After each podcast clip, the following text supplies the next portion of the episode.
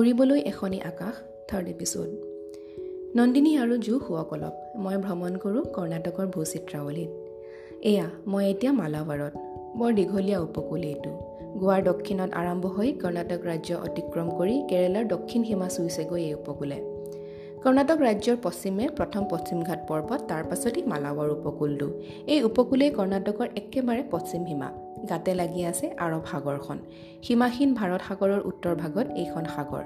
সাগৰখনৰ সিপাৰে আছে ওমান আৰু য়েমেন আৰু তাৰো পশ্চিমে আছে আৰৱ দেশ। সৰুতে নিহালিৰ তলত সোমাই পঢ়িছিলোঁ চিন্দাবাদৰ সাগৰ যাত্ৰাৰ ৰোমাঞ্চকৰ কাহিনী। সেই চিন্দাবাদ হেনো আছিল এই আৰৱ সাগৰৰ পাৰৰ পাৰস্য দেশৰ হাউদ আৰৱৰ সিপাৰে আছে সৰু বৰ আৰু বহু দেশ। সাগৰখনৰ উত্তৰলৈ আছে পাকিস্তান ইৰাণ আদি। এইখন ব্যস্ত সাগৰ। পঞ্চদশ শতিকাতে আটলাণ্টিক মহাসাগৰ পাৰ হৈ এই সাগৰৰ দক্ষিণত থকা কেৰেলাৰ কেলিকট বন্দৰত এদিন ভৰি দিছিলহি ইউৰোপৰ পৰ্তুগীজ নাবিক ভাস্কোডি গামাই। তেওঁ এটা সাগৰ পথ ৰচনা কৰিছিল ইউৰোপৰ পৰা ভাৰতলৈ। তাৰপাছত দলে দলে আহিছিল ইউৰোপীয় বেপাৰীৰ দল পৰ্তুগেলৰ পৰা ফ্ৰান্সৰ পৰা ব্ৰিটেইনৰ পৰা। এই বেপাৰী ইউৰোপীয়সকল আহি নামিছিলহি ভাৰতৰ পূব পশ্চিমৰ উপকূলবোৰতে। প্ৰথমে বেপাৰ কৰাৰ কথাহে আছিল। পাছলৈ কিন্তু দেশখনকেই কাঢ়ি ল'লে চলে বলে। নিজৰ দেশখন বচাবলৈ দেশৰ মানুহৰ কিমান যে যুঁজ বাগৰ হ'ল ব্ৰিটিছৰ লগত এই যুঁজ বাগৰবোৰৰ বাবেই ভাৰতৰ ইমূৰৰ পৰা সিমূৰলৈকে ৰাজনৈতিক গাঁথনিৰো পৰিৱৰ্তন হ'ল। পূৰ্বতে ৰজাৰহে শাসন আছিল সৰু বৰ কিমানখন যে ৰাজ্য আছিল তেতিয়া সকলোতে আছিল নিজ নিজ শাসন নিজ নিজ জীৱনধাৰা। ব্ৰিটিছৰ লগত হোৱা দীঘলীয়া যুদ্ধখনৰ পাছত ৰাজ্যবোৰ এক হৈ এখন ভাৰতবৰ্ষ হ'ল। দশম শ্ৰেণীত থাকোঁতে নবাব ছাৰে বুৰঞ্জীৰ শ্ৰেণীত বুজাইছিল ভাৰতলৈ ব্ৰিটিছৰ আগমনৰ কথা। কি যে ধুনীয়াকৈ বুজাইছিল ছাৰে সকলো মনলৈ আহিছে এতিয়া। ব্ৰিটিছে সাগৰৰ পাৰতেই পাতিছিল বন্দৰবোৰ। ব্যস্ত হৈ উঠিছিল বন্দৰৰ পুৱা গধূলিবোৰ। আগতে সেইবোৰ বন্দৰৰ কথা কেৱল কিতাপতহে পঢ়িছিল। এতিয়া কিন্তু নিজ চকুৰে চাবলৈ পাম। এটলাছত চকু বাগৰিল। অ' এইখন মাংগালোৰ কৰ্ণাটকৰ উপকূলীয় চহৰ। এইখন এতিয়া মাংগালুৰু হ'ল বৰ ব্যস্ত চহৰ ব্যৱসায় আৰু সংস্কৃতি দুয়ো দিশৰ পৰাই ব্যস্ত। মই মাংগালুৰুলৈ যামেই তাৰ পৰাই যাম সাগৰ চাবলৈ। মই যে সাগৰ দেখাই নাই যাম সাগৰৰ পাৰত ৰৈ তাৰ বিশাল ভয়ংকৰ ৰূপ চাম। বহু নগৰ চহৰ ফুৰি আহি সৰু বৰ নৈবোৰ মিলিছেহি এই সাগৰৰ মোহনাত। সংগমত কত মানুহৰ সাঁতোৰ নাদোৰ কত নাবিকে বাট হেৰুৱাই বিপদ সংকুল জীৱন যাত্ৰাত বিষক্ৰিয়া হৈ কেতিয়াবা নীলা হৈ পৰে মাছমৰীয়াৰ দেহ। বিক্ৰিয়া সাগৰে কেতিয়াবা নিজেই কৰে আৰু কেতিয়াবা কোনো দেহৰ অহংকাৰ আৰু স্বাৰ্থয়ো কৰে। সেইবোৰ বহু কথা। নবাব ছাৰে শ্ৰেণীত প্ৰাকৃতিক ভূগোলৰ লগতে কেতিয়াবা মানৱীয় প্ৰেম বিচ্ছেদৰ কথাও কৈছিল। মই কিন্তু সুন্দৰতা চাব বিচাৰোঁ সকলোতে। সাগৰৰ সৌন্দৰ্যত বুৰ যাম মই। কাষত সাগৰে গৰজিব ৰৈ ৰৈ শুনিম তাৰ তৰংগৰ গান। তাৰ বিশালতাৰ কাষত হেৰাই যাব মোৰ বালিচাহী অস্তিত্ব। ঢৌবোৰে আহিব হু হুৱাই বালিত খুন্দিয়াই পুনৰ আঁতৰি যাব। পুনৰ আহিব নতুন লহৰ তুলি চলি থাকিব তাৰ অনন্ত অহা যোৱা এয়া কৰ্ণাটকৰ পূবত তামিলনাডু আৰু অন্ধ্ৰপ্ৰদেশ। উত্তৰলৈ এইখন মহাৰাষ্ট্ৰ। কৰ্ণাটকৰ আটাইতকৈ ব্যস্ত নগৰী বাংগালোৰ।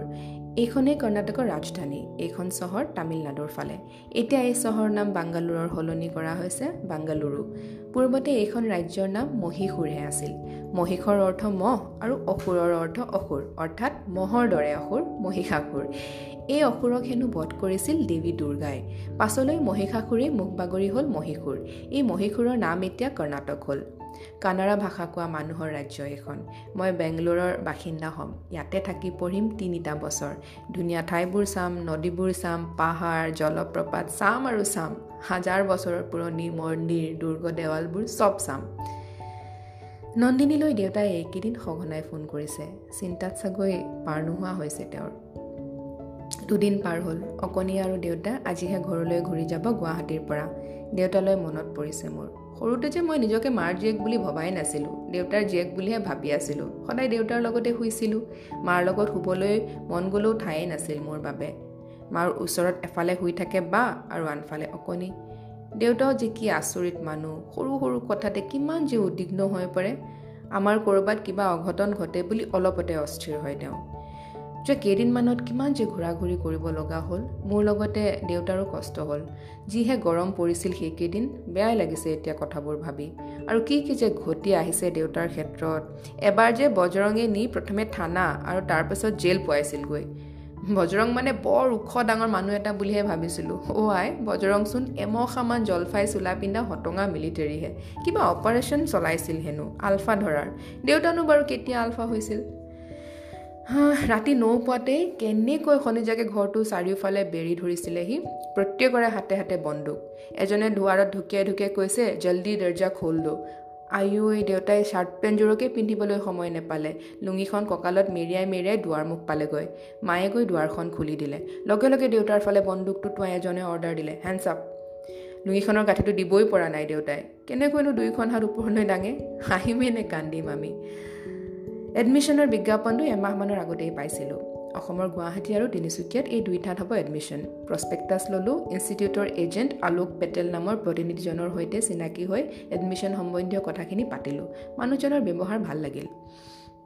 তুমি এডুকেশ্যন লোন ল'বা কিন্তু আমাৰ ইয়াত নাপাবা। ডিব্ৰুগড় ব্ৰাঞ্চৰ পৰাহে পাবা। কাৰণ তোমালোকৰ ডিষ্ট্ৰিক্ট ব্ৰাঞ্চ ডিব্ৰুগড়হে। মই বাৰু তাৰ মেনেজাৰলৈ লেটাৰ এখন লিখি দিম। ভাৰতীয় ৰাজ্যিক বেংকৰ গুৱাহাটী মেনেজাৰৰ কথা এইষাৰ বৰ ভদ্ৰ লোক। এনে বিষয়ে আমাৰ অফিচবোৰত বৰ কমেই পোৱা যায়। তেওঁ মোক কামটো সহজ কৰি দিলে। লেটাৰখন লৈ বেংকৰ পৰা ওলাই আহিলোঁ। ডিব্ৰুগড় ব্ৰাঞ্চত কামটোত বেছি ঘূৰিব লগা নহ'ল। ৰিজনেল মেনেজাৰৰ চিঠিখনৰ মতেই কাম হ'ল। অৱশ্যে দুদিন অহা যোৱা হ'ল দেউতা মাৰ লগত বেংগালুৰুৰ এই বিখ্যাত শিক্ষানুষ্ঠানটিত নাম লগোৱাৰ সম্ভাৱনা আশী শতাংশই জিলিকি উঠিল। অসম এৰিবৰ হ'ল। লোনৰ টকাটোৰ অনুমোদন হৈছিল শিক্ষানুষ্ঠানৰ নামত। লোনটো অনুমোদনৰ সময়ত অৱশ্যে ডিব্ৰুগড় বেংকৰ অফিচাৰ ৰবীন গগৈয়ে ভালকৈ চাইছিল প্ৰস্পেক্টাছত জাৰ্নেলিজম বিষয়টো আছে নে নাই। ছোৱালীজনী ডাক্তৰ হ'ব। দেউতাৰ আশাৰ জুইকুৰাত পানী পেলাই দি ময়ো মনতে কষ্ট পাইছিলোঁ কিন্তু মোৰ উপায় নাছিল। সেই লক্ষ্যৰে কোনোদিনে সাজু কৰিব নোৱাৰিলোঁ নিজকে।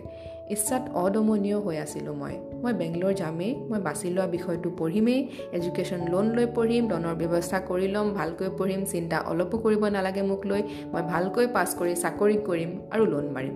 বহুত কথা কৈছিলোঁ মাহঁতৰ আগত আত্মবিশ্বাসৰ কথা। লোনটো হৈ গ'ল। হাতত সময় কম। গুৱাহাটীলৈ গৈ এতিয়া মাইগ্ৰেশ্যন চাৰ্টিফিকেট উলিয়াব লাগে। আকৌ ঘূৰা ঘূৰি অফিচবোৰত ছাত্ৰ ছাত্ৰীৰ ভিৰ। প্ৰত্যেকৰে কাম এইখিনি সময়ত। প্ৰত্যেকৰে কামটো আগতে কৰি দিব লাগে। অফিচাৰ সকলো একে মনৰ নহয়। এজনে যদি ভালকৈ কথা পাতে আন এজনৰ আকৌ কথা পাতিবলৈ সময়েই নাই। ফাইলটো যদি এখন টেবুল পাৰ হৈ যায় আন এখনত আকৌ হেৰাই থাকে। নিষ্ঠাৰে যদি সকলো কৰ্মচাৰীয়ে নিজৰ দায়িত্ব পালন কৰিলেহেঁতেন তেন্তে এদিনৰ কাম এটা এনেকৈ তিনি চাৰিদিন লগাৰ প্ৰশ্নই নাথাকিলহেঁতেন। কোনোবা দুজনমান আকৌ ঠেহ লগাৰ দৰেই থাকে যেন ঘৰত পত্নীৰ লগত কিবা লাগিহে আহিছে। এইবোৰ কৰি থাকে কেইটামানে টকা খোৱাৰ লগত। চি এনেকৈয়ে গেলি গৈছে গোটেই ব্যৱস্থাটো। সকলোবোৰ লেঠা মৰিল। মিষ্টাৰ আলোকক লগ কৰিলোঁ। দেউতাও আছিল মোৰ সৈতে। আমি কামখিনি কৰিলোঁ আলোকৰ সৈতে। আলোক মানুহজন সহজ আৰু মিঠামুখীয়া। তেওঁৰ বাবেই কামখিনি সহজ হ'ল। আশা কৰা বিষয়টিতে এডমিশ্যনটো হৈ গ'ল। সপোন এটাৰ প্ৰথমটো উৰণৰ আৰম্ভণি হ'ল। পালোঁ যেন উৰিবলৈ এখনি আকাশ